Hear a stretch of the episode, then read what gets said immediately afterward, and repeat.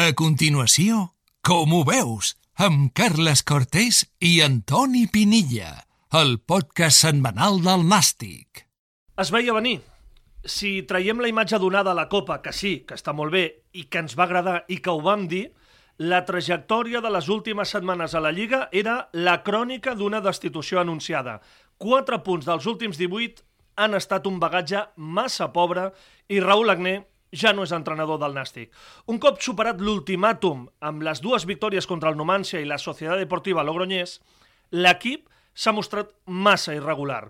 En fases de partit ens ha agradat, però no ha trobat mai un equilibri entre les parts, com va passar a Cornellà, o en aquest balanç de gols a favor i gols en contra, com també va passar dissabte. Un cop superat l'ultimàtum, tres victòries, dos empats, quatre derrotes. Insuficient per un aspirant a tot. Durant les últimes hores hi ha moltíssimes reflexions a les xarxes socials i hem parlat amb moltíssima gent. Sempre és interessant, sempre, escoltar i llegir opinions. Sempre. Coincidirem o no coincidirem, però sempre es poden treure conclusions. I hi ha un fil, en aquestes últimes hores, que no puc passar per alt. És d'en Jesse Pigman. Després de parlar d'Agné, fa un fil parlant d'Agné, sentencia. Crec en tenir una idea, portar-la a terme i deixar que a llarg termini faci el seu treball. Del contrari, seguirem donant bandazos, no ho he traduït, bandazos, sense idees, sense futur. I ara li afegim nosaltres. El problema, ara mateix al Nàstic, però, són les necessitats econòmiques. Com ho veus? És el podcast setmanal del Nàstic de Ràdio Ciutat de Tarragona.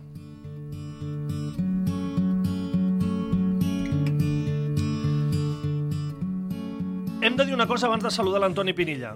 Aquest programa el gravem dilluns al matí, a primera hora del matí. Ara mateix no hi ha entrenador. Oficialment, el Nàstic no té entrenador. L'entrenament d'aquest dilluns al matí el dirigeix Raül... Eh, anava a dir Raül Agné. Dani Vidal. Com estàs, Antoni Pinilla? Hola, què tal, Carles? Insistim, no tenim entrenador, per tant, moltes de les coses que explicarem ara seran mm, de les últimes hores, però sense tenir clara la figura del nou entrenador. Crec en tenir una idea, portar-la a terme i deixar que al llarg termini faci el seu treball. Del contrari, seguirem donant bandazos, sense idees, sense futur. Podríem estar d'acord, no? Absolutament.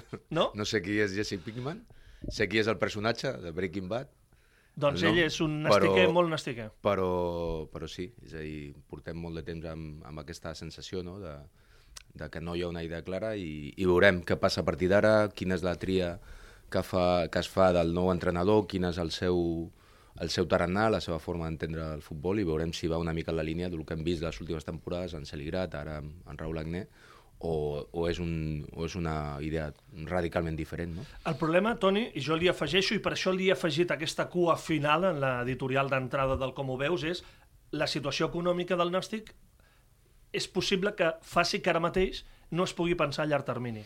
Bueno, si, si ja es va assumir la temporada passada un dèficit que, que es va explicar des del principi, aquesta temporada s'ha explicat que de sortida tens un dèficit, afegeixes que has de fitxar jugadors en traspassos, perquè això no s'ha explicat el que costa eh, Andy Escudero Marc seu Fernández. Andy Escudero, el que costaran els que arribin, perquè s'estan parlant també de, de jugadors que estan en, en clubs que, que no estan descartats, sinó que has de, has de treure'ls d'allà i costarà.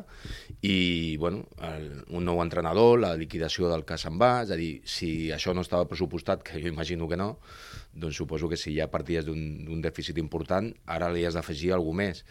Eh, clar, eh, això és molta pressió, és molta pressió sobre el mateix equip, el mateix club se la posa a sobre per haver de pujar amb aquest dèficit d'entrada allà i, i bueno, eh, això implica que la situació ara mateix és complicada en el sentit de que et veus a la part baixa de la classificació, a tres punts del descens, sí que tens a, a, a tocar també la, la promoció, però també tens darrere equips que van guanyant i que, i que s'a- s'apropa aquesta línia perillosa i bueno, veurem què passa amb la tria de l'entrenador, que serà molt important, i veurem com, com evoluciona l'equip, si hi ha fitxatges, que jo penso que sí, però tot això, com dius tu, és a dir, és un, un problema a nivell esportiu, que és evident, és el més important, però clar, a nivell econòmic l'has de valorar també i, i, i pensar què, passarà d'aquí al final amb aquest dèficit assumit de començament i que suposem que s'incrementa amb aquests problemes esportius. Per mi, i insisteixo, ara això és el més important, perquè puc entendre de pensar a llarg termini, però és que ara és molt difícil poder pensar a llarg termini tenint aquesta situació eh, ara mateix econòmica en, en la institució. La decisió es veia venir, Toni. Es veia venir que Raúl Agné no continuaria després de la derrota. Aquí t'hem de donar una mica la raó.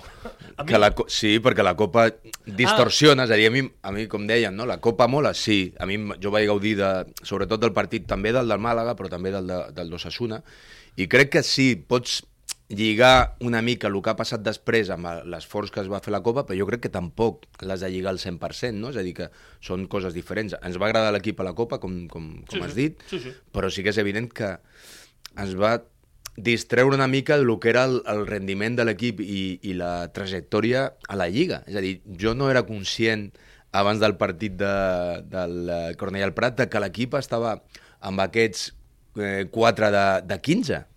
I, I és evident que després de rebre una derrota, veure's en aquesta situació la classificació, veure sobretot que l'equip a la segona part mm, no va... És a dir, va, va, va fer una davallada, és a dir, no va ser una, una primera part dolenta i vas acabar bé, que et quedes amb bones sensacions, i, Sí, sí, allò, és sinó que fas una bona primera part en el sentit de que produeixes en atac, fas un bon partit, eh, eh, jo crec que va fer una, una primera part com per no anar per, eh, per sota el marcador, però clar, la segona va ser decebedora, és dir, quan l'equip havia de reaccionar no, no es va veure res. Llavors jo penso que li va sumant coses i sobretot que 4 de 18 amb un equip que eh, vol ser no només a, a, a, la, a la promoció, sinó que hi ha gent que parla de, de, de quedar primers com a objectiu, Sí, sí, sí. és evident que no, no pots estar content, i ens havia tre- tret una mica de focus la Copa, i jo ho reconeixo perquè a mi em va passar, que jo no era conscient d'aquesta situació de, de que portem quatre partits, eh, partits en, en quatre punts. Clar, si li sumes el de l'altre dia Sí, i el sí. rendiment de l'equip, doncs eh, se, ve, se veia de venir, com dèiem, no? Se veia de venir. Sí, sí, escolta'm, al camp de l'Espanyol vam veure el, el, el contrast més gran dels que hem vist aquesta temporada, perquè la primera part va ser molt brillant, molt bona, i la segona molt desastrosa. O sigui, hem vist Nàstic de dues cares, però tinc la sensació que va ser el màxim exponent de la doble cara de la irregularitat de l'equip. En, Sí. en tot el que hem vist fins ara. Eh? Sí, i a més a més amb, un, amb, un, amb riscos que va prendre l'equip a la Sí. primera part, amb un model de joc diferent, amb una configuració diferent al centre del camp, amb total llibertat per Pedro del Campo, sense jugar en dos puntes, que és algo que ha definit gairebé sempre el, el, la trajectòria de, de Raúl Agné al, al Nàstic, va canviar una mica i a mi em va agradar perquè jo crec que tenia l'equip tenia la versatilitat, la mobilitat, la, la, el dinamisme per poder fer mal i de fet si analitzes la primera part, va fer suficient, Sí, sí. quatre ocasions clares de gol, eh, va estar molt encertat el porter del, del Cornellà d'aquest cas, que també juga, i, i el va penalitzar un altre cop, el que li porta penalitzant tota la temporada, no dominar un- una, una sort com és l'estratègia. Mm, De fet, jo crec que la primera part va ser bona, en línies generals, Mm, com diem sempre, analitzant-la, traiem el resultat, que el resultat, evidentment, també és important, té a veure amb l'eficàcia, però ser una qüestió d'eficàcia. Clar, la segona part eh, va ser totalment diferent. L'equip no va tenir la pilota, el Cornellà va, va, va pressionar i va fer mal la sortida de pilota del Nàstic, no va generar ocasions, no va generar desequilibri, els canvis no van funcionar. Clar, vam veure, hem vist al llarg de la temporada les dues cares, també. En un, par, en un mateix partit, les dues cares. Sí, sí. Per exemple, sense anar més lluny, contra el Sabadell, Sí. per exemple. Però el tema és que havia estat la primera dolenta i segona. I vas amb una evolució i l'equip reacciona davant un, una derrota no? o un, un resultat advers. En aquest cas, és més preocupant perquè fas una bona primera part i caus a la segona. I, i veus que l'equip no té la- l'ànima per eh, rebel·lar-se contra, un, contra un resultat en contra. No té ni l'ànima ni recursos, ni l'empenta. Llavors és més preocupant que si fos al contrari, que és, per exemple, aquell dia del. Sabadell, que dius, fas una, una primera part dolenta, però després de l'equip treu moltes coses. L'altre dia va ser eh, diametralment oposat, és a dir, eh, bona primera part i caos. No? Llavors, la lectura ha de ser molt diferent, i evidentment és molt diferent, perquè les sensacions que et deixa al final del partit és d'impotència, de falta de, de, de recursos i de, i de falta d'empenta no? en, en moltes situacions, quan és algo que jo crec que l'equip ha tingut al llarg de, tot, de tota la almenys de, tot, de la gran part de l'etapa de Raúl Andé com a entrenador. Mira, aquí anava a parar, perquè ara per tancar aquesta primera part del Com ho veus aquesta setmana, vull fer el balanç de Raúl Agné amb tu, perquè l'hem seguit insistentment, jornada a jornada, i hem elogiat els bons moments i hem criticat els mals moments, perquè hi ha hagut una miqueta de tot. Ara ets el professor. Si haguessis de dir, escolta'm, de Raül Agné ens hem de quedar amb això que ho va fer molt bé i els errors, el que l'han condemnat han estat aquests. Quines serien les dues notes que posaries en lo bo i a lo dolent de Raül Agné? Bueno, al final sempre diem, els entrenadors els, els, eh, ens hem de jutjar i, i els han de valorar per lo que aconsegueixen a nivell de resultats, perquè el camí, hi ha molts camins diferents, no? I ell, recordo que quan, quan va arribar va, va parlar de la versatilitat, de poder ser un equip que jugués molt bé i combinatiu quan toqués i defensés en, en d'altres situacions amb, amb solidesa i va parlar d'un equip que no tingués només una cara, no? I, bueno, jo crec que la temporada passada li va faltar li va faltar la cara de ser un equip molt més mm, propositiu i combinatiu quan tocava, quan havia d'agafar la, la, la iniciativa, això li va mancar, però fins i tot amb aquestes mancances i, i a nivell de, de, de recursos ofensius, que jo crec que l'equip estava una mica més limitat, doncs jo crec que l'equip, al final, ell va saber, amb problemes, però va saber portar l'equip, al- fins i tot a l'última instància, d'estar molt a prop d'aconseguir l'objectiu. Llavors, la, la lectura ens va agradar més o menys, sobretot fora de casa l'equip jo crec que tenia, era molt, molt ensupit, però jo crec que al final, com que fent la valoració en funció del resultat, va estar molt a prop i jo crec que la lectura és bona. Aquesta temporada, jo crec, i ho hem valorat des del principi, tenia més recursos ofensius, però això pot sonar-me un- una mica de doble filo. Jo sempre parlo una mica del... del, del eh, eh, eh, faria una analogia amb la, amb la situació de Simeone, no? a l'Atleti Madrid. Simeone, quan ha tingut un equip de guerrers, li ha anat molt bé. Quan li han donat una plantilla que sempre diu, oh, aquesta és la plantilla, la millor plantilla a la història Ah, de l'Atleti Madrid, això, boníssim. de qualitat, potser ell no se troba tan còmode en una plantilla d'aquest tipus, perquè Boníssim. per la qualitat que té ha de posar jugadors que potser en altres situacions ell, no- ell no es posaria. I ha de jugar d'una forma que potser no se sent tan còmode, perquè està més obligat, perquè té talent, perquè té recursos i tal. Doncs una mica és això, és a dir, jo crec que aquesta temporada ell ha vist que tenia més recursos, que té més potencial a nivell ofensiu i, i ha volgut ser un equip una mica més agosserat, una mica més propositiu, però què li ha fallat? La contundència defensiva. És a dir, al final, en moltes situacions des del primer partit de Lliga no ha sabut eh, solucionar aquestes eh, situacions dintre de la teva àrea i això ha penalitzat molt. És a dir, ha volgut fer un pas endavant, sobretot fora de casa, sent- i hem vist partits amb, amb més, amb més eh, eh, iniciativa, però jo crec que li ha acabat penalitzant el que li havia donat el premi la temporada passada, aquesta, aquesta solidesa defensiva que aquesta temporada no ha tingut. Llavors, la lectura, per mi, la de la temporada passada, que són dos, dos, eh, dos temporades diferents, la trajectòria de temporada passada crec que diria que bona, perquè no pots eh, fer una valoració dolenta quan l'equip va estar a un partit, a, un, a, una, a una instància d'aconseguir l'objectiu. Aquesta temporada, veus la classificació de l'equip, no, no ha aconseguit eh, posar-lo mai entre els cinc primers, no ha aconseguit que l'equip tingués, tingués aquesta regularitat i és evident que la, el balanç no, no pot ser positiu. Insistim, aquest programa l'enregistrem abans de tenir entrenador. No hi ha entrenador, oficialment encara no té el nou entrenador del gimnàstic de Tarragona després de la reunió. Però aquest matí eh, hem, hem, esmorzat amb el Toni i repassant les informacions del diari de Tarragona hem llegit que hi ha cinc possibilitats, que a més a més coneixes bastant algunes, moltíssim algunes, altres no tant les coneixem. Et, et sembla si fem un repàs de les opcions? Insistim, és una informació del diari de Tarragona, però nosaltres la recollim perquè coneixes aquestes opcions. Una de les opcions ve de la casa, és el segon entrenador, és Dani Vidal, fer-lo pujar, clar, no el coneixem en un, en un context professional com a primer entrenador. O sigui, clar, no, no podríem valorar massa més de la trajectòria que ha fet en el passat com a entrenador de les categories inferiors. Seria una aposta arriscada en el sentit d'apostar per un entrenador jove de la casa, que seria positiu, i un entrenador que, bueno, que eh, té experiència professional, el que, el que ha viscut a les últimes temporades com a, Com a segon. com a assistent de, al primer equip, però bueno, jo crec que seria, si, si, es, si es valora aquesta opció, doncs estaria bé poder dir que tens un entrenador a la casa que s'ha s'ha format des de categories inferiors a la, al club i jo crec que en aquest aspecte seria positiu. Veurem si fas aquesta aposta o encara la veus una mica verda, que potser una, és una de les, de les eh, opcions que amb aquesta pressió que comentàvem, És que la hi pressió- ha aquí clar, la pressió d'haver d'agafar l'equip en aquesta situació, que si no fas un bon final de temporada te pots complicar i tot, doncs eh, veurem. I hi ha aquesta necessitat de pujar, aquesta pressió, no només d'entrar a sinó inclús de començar, molta gent parla de, no, Pujar, pujar, de pujar, pujar. no, Sí, i sí. de quedar primer. Sí, sí, sí. Llavors, clar, li estàs ficant a un entrenador sense aquesta experiència una motxilla important.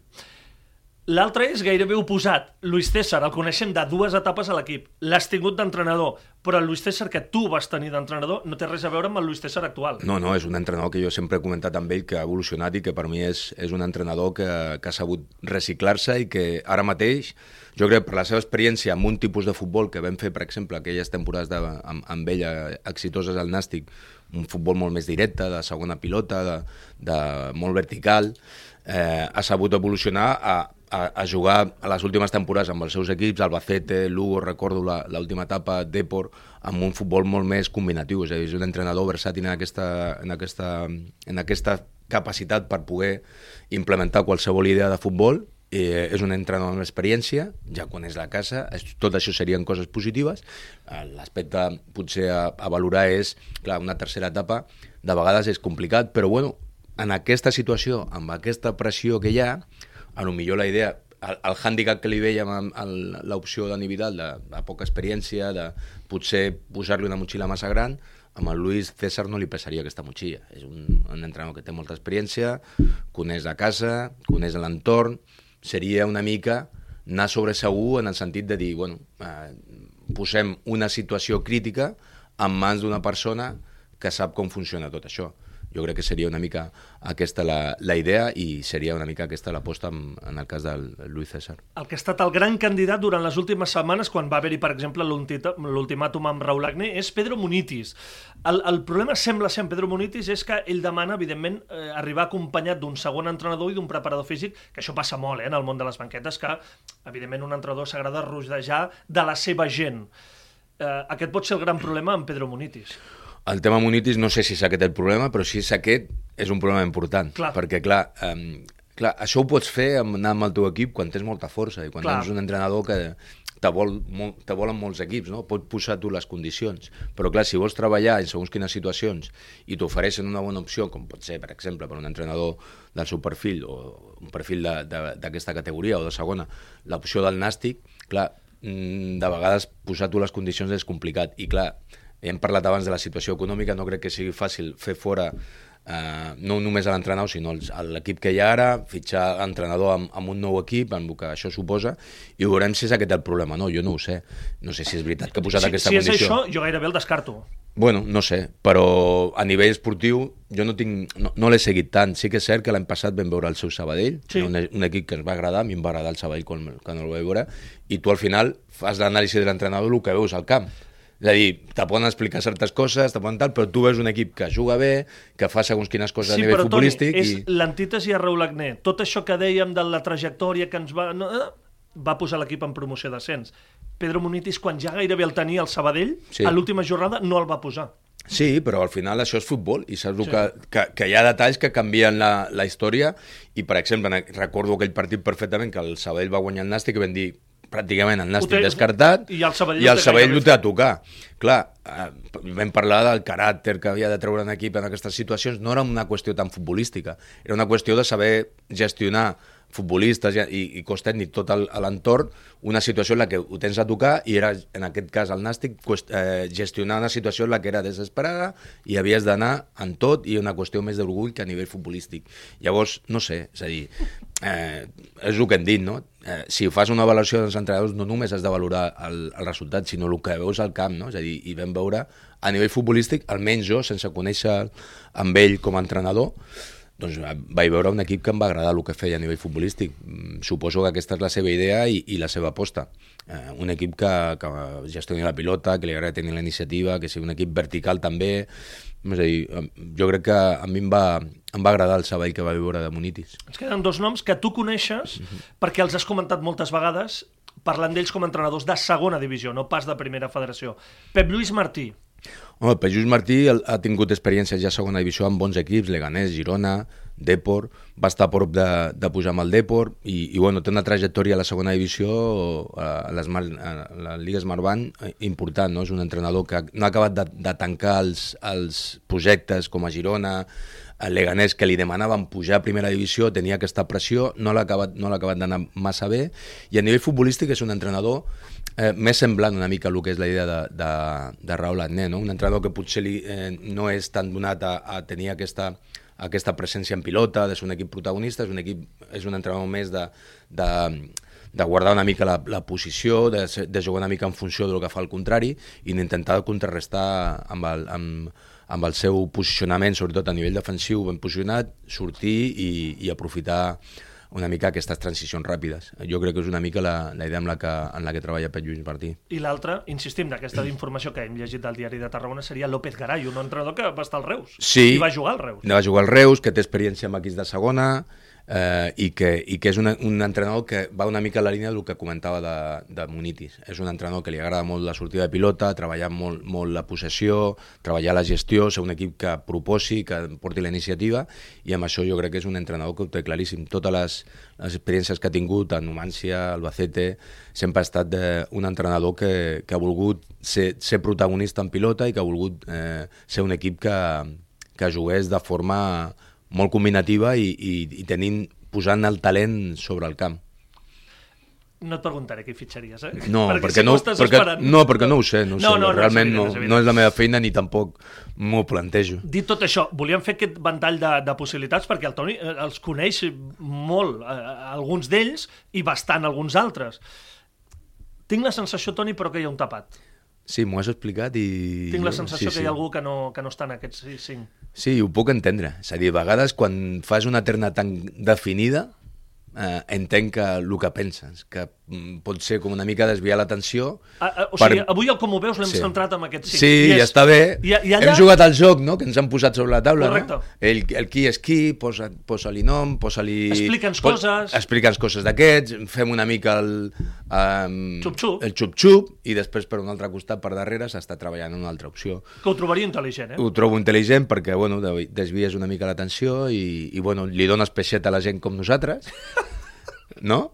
Sí, sí. omplim, omplim, Una estona, mira, una estona omplim de... diaris, Clar. omplim estona de, de tertúlia i de, i de, i de programa i, i, i, bueno, i després arribes i, i arribes amb una altra opció que ningú ha, ha, ha, ha trobat o ha, o, ha, o ha valorat i, bueno, i estàs treballant en tranquil·litat. En tot cas, per tancar, Toni, no et preguntaré pel pròxim rival, Societat Deportiva Logroñés, diumenge a les 12 al migdia, Qui No ho ving- sabem. eh, Qui vingui i, que- i com vingui. correcte. Uh, de la classificació, ja vam parlar la setmana passada perdent contra el Baleares, que ja tens per tot, no passa res. És una situació una mica complicada, però perfectament salvable en qualsevol situació. Sí, però mm, has de començar a preocupar-te. Sí, Eh? no, clar, home, la preocupació Perquè està... precisament els equips que estaven per sota, Sabadell, Intercity, Real Unión, han guanyat. I són els equips que no només a una posició de descens, tens a dos posicions de descens, dos a tres punts. Sí, I sí, estàs atents de tot, però no pots dormir-te, és a dir, que si tries malament, si t'equivoques, si no surt bé, suposo que els fitxatges que arribin, que arribarà algun fitxatge, jo estic seguríssim, sobretot en la línia defensiva, després del que va passar l'altre dia i el que porta passant tota la temporada, i que sembla que Trilles encara trigarà i, i que, bueno, el que va passar en Josema, el canvi, una mica tot, a mi tinc la sensació que aquí arribaran fitxatges, si no l'encerta, si l'equip no, no agafa la, la ona, doncs eh, problemes, eh? perquè aquesta, aquesta categoria... ara m'hagin tranquil·litzat. No, perquè aquesta categoria no perdona. Hi ha equips que no... Ningú, és a dir, l'Intercity ja lo- la, la Sí, sí, Copa. sí. L'Intercity va guanyar l'altre dia i estava a descens. El, el Reunió estava per sota, va guanyar. El Sabadell estava a descens, ha guanyat fora de casa. El Contra l'Atlètic Balears, que et va guanyar tu una 3, te va passar per sobre. És a dir, hi ha massa igualtat com perquè tu pensis que si, si no files prim, te poses en problemes. No és que no arribis al, al, eh, a l'objectiu, és que et poses en problemes. Clar, jo sempre sóc de la, de la visió de, que tu m'has dit ara, és a dir, sempre, ho hem parlat, jo tinc sempre una visió positiva, de dir, no miro tant enrere, sinó el que tinc davant, i si faig bé les coses, estem a temps, en tres jornades estàs, ja t'has ficat en playoff, fent una bona tongada de partits. Però hi ha temps de sobre. Ara bé, l'has de fer bé. Si no ho fas bé, aquesta categoria no et perdona. No hi ha equips que estiguin des descartats, tret, tret d'ara mateix dos equips, que són, sembla, Calahorra i Atleti sí. Bilbao, Atlètic Club, que sembla que estan descartats. La resta està lluitant i, a més a més, equips que ja s'ha vist, que són bons equips, Intercity, Real Unión, eh, eh, Sabadell, Sí, sí. tots els equips, Atlètic Baleares, que et va guanyar i ara està en descens, a tres punts, és a dir, que tot està molt, molt, molt apretat i l'has de, has de filar prim. No pensis que perquè ets el nàstic no et posaràs en problemes i perquè no, tu mires endavant què és el que tens. Vale? Sí, sí, però és que tens més a prop ara mateix. El de darrere, i no és una posició, són dues. És Hi ha dos equips amb 23. Toni, en seguirem parlant la setmana vinent el com ho veus. Eh, recordeu, a Ràdio Ciutat de Tarragona, quan tinguem entrenador us ho explicarem. No patiu que us ho explicarem. I també hi ha l'Avant Nàstic el pròxim divendres amb l'Eric Rosique, diumenge la Trànsit, vaja, que serà una setmana intensa a Can Nàstic. Toni, ens retrobem la setmana vinent. Segur. Que vagi molt bé, gràcies. New York City, I'm a thousand miles away, but girl, tonight you look so pretty, yes you do.